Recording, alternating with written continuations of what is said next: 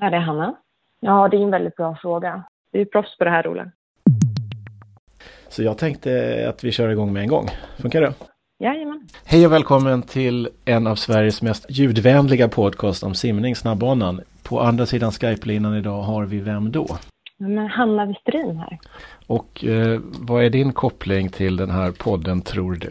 Ja, men den eh, tror jag att den har, eh, den går väl lite längre tillbaka i tiden. Jag har ju faktiskt varit elitsimmare Eh, på landslagsnivå, även om det nu börjar bli rätt länge sedan. Jag la ju faktiskt baddräkten på hyllan 2010 efter ett par år i landslaget. Men jag misstänker att det är där kopplingen finns. Där finns den definitivt. Och du, eh, även om du inte är eh, åldersstigen så var du precis som du nämnde ganska länge sedan du slutade. Men var ändå i landslaget ett gäng år.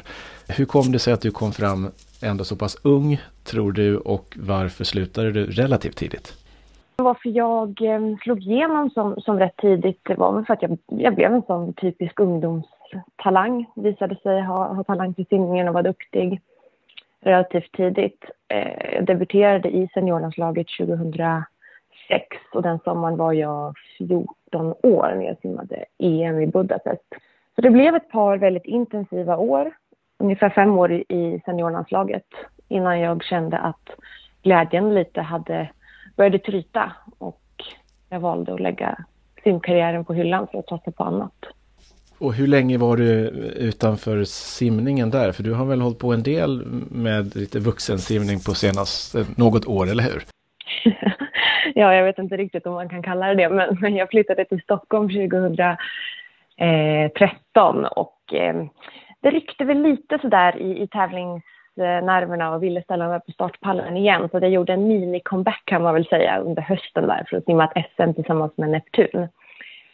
Eh, men sen blev det inte så himla mycket mer med det. Jag kände väl någonstans att jag var klar trots allt. Sen fick jag behålla kontakten lite med simningen på grund av att jag gjorde lite speakeruppdrag både på, på SM ett par år och eh, men även under Swim Open i Stockholm så fick jag kampera ihop där med Micke eh, som speaker. Just det. Mm. Och när du började simma, varför blev det just simning? Det skulle väl, med tanke på att du kommer lite uppifrån landet så kanske det skulle kunna varit någonting med, med fruset vatten också. Men varför blev det just simning? Eh, ja. Jag var en sån här väldigt aktiv ung tjej som höll på med det mesta. Det var alltifrån karate, friidrott, dans, simning. Eh, men ju äldre man blev och ju mer träningar det krävdes i veckan så valde jag bort, eh, som många gör, får välja bort eh, idrotter och fritidsaktiviteter och till slut så var det bara simningen kvar. Det var den jag aldrig valde bort. Och sen visade det sig att jag också hade en viss talang just i vattnet. Så då blev det väldigt naturligt för mig att, att satsa just på simningen. Och eh, resultaten började väl komma ganska ganska snabbt in på där från att jag 2004 tror jag att det var som jag blev uttagen till ungdomslandslaget. Och sen så tickade det på väldigt fort. Redan 2006 som sagt så debuterade jag i seniorlandslaget. Så det gick, det gick fort. Mm. Och även om du då ganska snabbt blev kanske en idol för de yngre eftersom du var med i landslaget så tidigt. Hade du några, själv några idoler när du började? Eh, ja, men det hade jag. Det har man ju såklart. Man har ju sina, sina eh, förebilder som jag såg upp till. Och eh, för min del var det definitivt Anna-Karin Kammerling som var 11 år äldre och simmade i Sundsvalls simsällskap där jag var aktiv. Men också Lars Sjölander som tog OS-guldet och tävlade ju för Sundsvalls eh, simsällskap också då.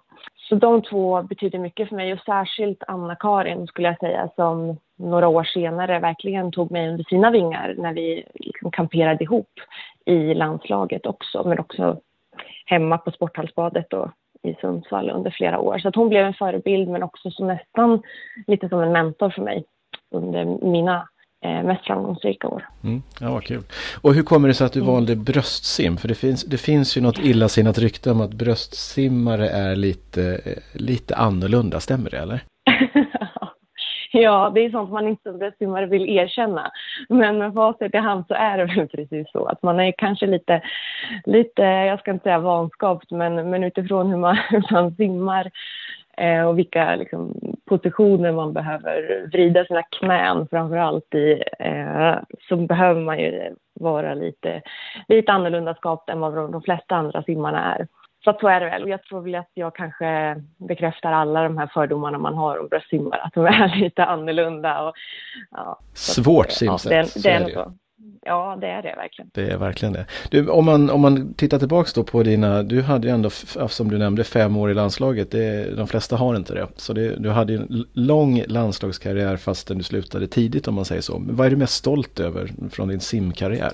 Mest stolt är jag, om jag ska vara lite sådär pretentiös, är väl att jag höll mig till mitt, vad jag alltid jag ville alltid känna liksom, motivation och glädje i det jag gjorde. Och, och, den dagen jag inte gjorde det längre så skulle jag lägga simningen åt sidan. Och det gjorde jag verkligen eh, på de premisserna. Så att, så att eh, jag kämpade aldrig på och höll på när jag inte tyckte att det var kul och att jag fick tillbaka någonting för det. Eh, och sen var det inte helt enkelt att ta det beslutet att lägga karriären åt sidan i så pass ung ålder. Det fanns väldigt många som hade starka synpunkter kring det, så det var inte så enkelt. Men för mig var det väldigt enkelt.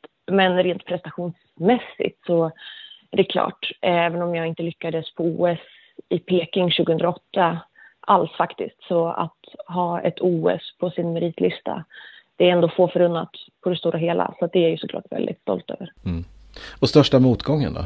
Ja, den största motgången är nog också OS, där jag verkligen inte lyckades leverera. Och det är ju så speciellt med ett OS, för att man tränar flera år inför just det här loppet. Jag skulle bara simma ett individuellt lopp. Och jag visste faktiskt redan när jag ställde mig på startpallen att det här kommer inte gå vägen. Så det är klart att det är ju en stor motgång. Men det blev också början på min insikt att karriären kanske inte skulle bli så lång. Mm. Och hur visste du redan mm. på startpallen att det här skulle inte funka? Var det toppningen inte hade funkat eller var det något annat? Ehm, jag skulle säga att redan från, om, för, för, om jag ska ta det lite i ett längre perspektiv, så 2003, fem år innan, då simmade jag mitt första stumsim. 2004 blev jag uttagen till ungdomslandslaget. 2005 vann jag ungdoms-OS. 2006 uttagen i seniorlandslaget. 2007 simmade jag VM och vann junior-EM. 2008 Eh, var det OS. Så det blev otroligt intensivt och samtidigt ska man komma ihåg att jag var då 14, 15, 16, 17 år. Jag gick i skolan så man skulle kombinera högstadie, gymnasie, något slags tonårsliv samtidigt som man skulle vara en, en elitidrottare och all den kontakten med simförbundet, SOK, träningsläger och samtidigt sköta allt annat. Så jag tror att jag brände krutet lite i båda ändar, vilket gjorde att jag tappade liksom gnistan det blev, det blev lite mycket av allt och det är någonting jag har fått när man kan analysera sin karriär i efterhand förstått att det blev lite för mycket lite för tidigt. Mm. Önskar du, eller ja, önskar det klart att du kanske gjorde, men, men hade du förväntat dig att någon hade kunnat sett det där och kanske hjälpt dig under de åren att välja eller ja, för att inte göra slut på det där krutet? Det, där, det där har jag tänkt jättemycket på, om man hade kunnat gjort saker och ting annorlunda. Och det är klart att man hade kunnat gjort det. Eh, man hade kunnat valt att inte, eh, att jag skulle debuterat så tidigt i landslaget och liksom bli en vuxen simmare så tidigt. Men samtidigt, hade, man, hade jag varit min tränare så, och man får en adept som visar sig ha en enorm talang och spås ha en lysande framtid och göra, liksom plocka medaljer på den internationella arenan så är det ju svårt att dra i handbromsen också. Mm. Och jag tror inte att mina föräldrar skulle kunna gjort något annorlunda. Jag, jag, tror inte att jag hade vågat göra det. Jag menar, jag är mamma själv idag. Mm. Om det skulle visa sig att min dotter hade haft talang och titta och dra i handbromsen. Så att jag tror att man agerar utifrån vad man tror är bäst och sen så visar sig det med facit i hand till slut. Ja, om man får välja då att kunna bli jätteduktig när man är 14 år eller 18 år. Vad skulle mm. du valt då? Hypotetisk fråga. Ja, men 18 tror jag absolut. Eh, jag tror att man har bättre förutsättningar för att få en lång och framgångsrik karriär. Sen så har vi ju, vi har ju Sara Sjöström idag som, som bevisar motsatsen, att man kan slå igenom extremt tidigt och hålla och ha en lång karriär ändå. Men jag tror att hon är mer ett undantagsfall mm. faktiskt. Mm, jag förstår. Och tipset för de 12, 13, 14-åringar som funderar på eller redan nu satsar på simning, vad, vad skulle du ge dem för råd? Ja, det är ju så här tråkigt råd att försöka liksom, eh, ta ett steg i taget och inte ha för bråttom fram. Eh, men det kan ju jag bara sitta här på andra sidan med liksom, karriären i, i bagaget och säga. För det, när man väl är i det så är det ju så roligt och man vill utvecklas snabbt och ta de här stegen hela tiden. Så det är svårt och det är en utmaning och där tror jag ju att, att föreningslivet och, och att svensk simidrott behöver stötta på ett bra sätt för att, för att eh, behålla ungdomarna kvar längre och att inte skynda för, för, för fort fram. Mm. Och vad tror du specifikt behövs för att man ska bli fler och även bättre? Som du ser från lite då från, från bassängkanten i dagsläget, eller sidan.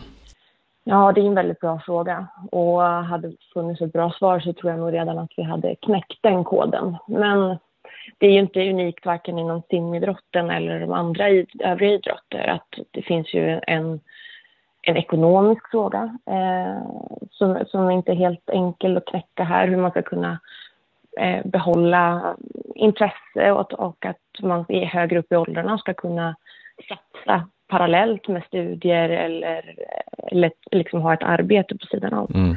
Det är svårt och det är inget nytt, men jag tror att mycket där problematiken sitter. Mm. Att kunna leva på sin simning för att kunna fortsätta längre. Mm. Och då har vi, om man hoppar in då kanske på ISL, privatligan finansierad av oligarkpengar. Hur, vad, tycker mm. du om, vad tycker du om ISL? Jag har inte följt den sådär slaviskt, men, men att kunna, alltså alla idéer som, som kommer och sådana projekt eller vad man ska kalla det, där man kan få, få mer betalt för, för sin idrott tycker jag är välkommet. Och att tänka nytt och att hitta nya sätt att tävla på, det är väl fantastiskt. Det tillhör utvecklingen. Vill du simma i lika snygga och snabba simkläder som Michelle Coleman och andra snabbingar? Gå då till tyrsverige.se och shoppa loss. Lycka till! Ja, nej men jag förstår. Du har ju gått från eh, att vara ja, simmare och sen har du pluggat och jobbar nu inom ja, ganska många olika branscher har du väl jobbat de senaste tio åren. Eh, mm. Finns det någon fördel som du ser att ha hållit på med idrott när man ger sig in i näringslivet? Har du märkt någonting av det när du har sökt eller blivit headhuntad till jobb? Absolut. Eh, jag har mycket, mycket att tacka för min, min för detta elitkarriär. Eh, det märker jag ju dels när man söker jobb att det är väldigt uppskattat eh, att man har den bakgrunden. Det har blivit väldigt tydligt för mig.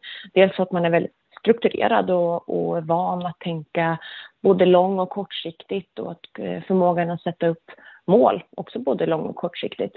Eh, och att man ofta kanske, jag ofta liksom dedikerat vill ro projekten i hamn på något vis att för min del att jag har vågat ta för mig och vet att det kommer inte landa några toppjobb eh, i min, mitt knä utan eh, det är bara att hugga i och, och, gräva där man står och våga ta för sig, våga ringa de här samtalen som ska öppna dörrar. Det är så jag har fått, fått klättra i min karriär. Men just det här är en sak till också, att, att, att vara en tävlingsmänniska ute i fingerspetsarna som jag absolut skulle säga är, eh, det är både en styrka, för jag tror att de flesta chefer och arbetsgivare uppskattar den egenskapen otroligt mycket, men jag har också eh, fått lära mig att det har varit en av mina största utmaningar i arbetslivet. För när man kommer från en elitidrottssfär där nästan alla är tävlingsmänniskor och man gör det mesta eh, för att lyckas och få vinna, så kommer man in i arbetslivet där det inte alls kanske ser ut så. Mm. Det är inte alls att alla kollegor är lika eh, tävlingsdrillade som jag själv är. Och det kan vara en, eller har för mig varit en, en stor frustration vid många eh, tillfällen. Så jag har fått lära mig att bli mer av en teamspelare. Jag som är en, ganska mycket av en utpräglad individualist. Jag förstår. Och du har jobbat i både inom politik och idrott och privata näringslivet. Om du, om du får välja vad du helst skulle vilja jobba med, vilket, vilket område om 5-10 år, vad skulle du välja då? Jag trivs jättebra i, i näringslivet mm. idag. Eh, jag jobbar mycket med press och mediafrågor men också sponsringsrelaterade frågor.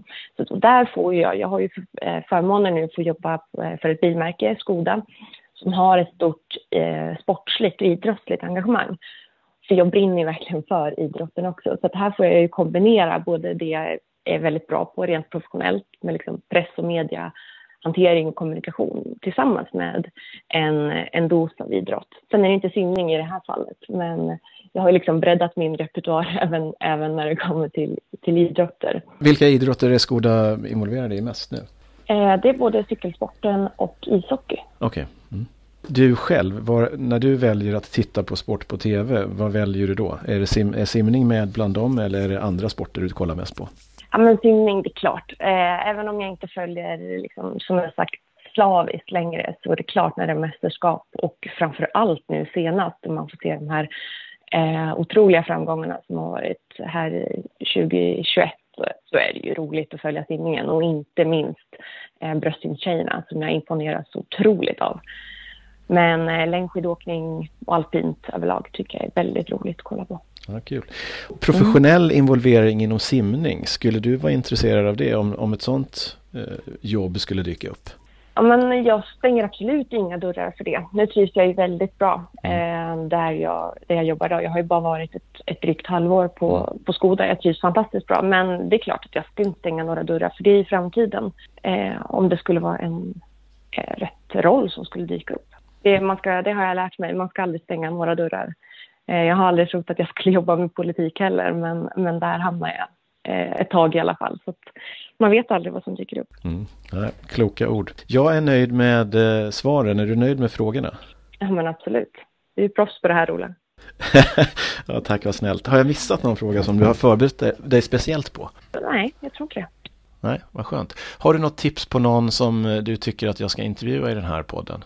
Mm, jag lyssnade faktiskt på eh, alldeles innan vi pratade här lite i mitt, eh, min mm. research så lyssnade jag på ett avsnitt mm. av Åsa Ernholm. Just det. Eh, och hon tipsade ju om Anna-Karin Kamling. Nu vet inte jag om Exakt. du har hunnit eh, prata med Anna-Karin än. Nej, det har jag faktiskt inte. Nej, då tycker jag verkligen att du ska, ska suga ur eh, lite eh, tips och information från henne. Ja, men bra. Då, ska, då är hon på listan. Ja, toppen. Tack för att jag fick gästa. Ja, ja tack för att du ville. Vad roligt. Ha det så bra. Ha det bra. Hej.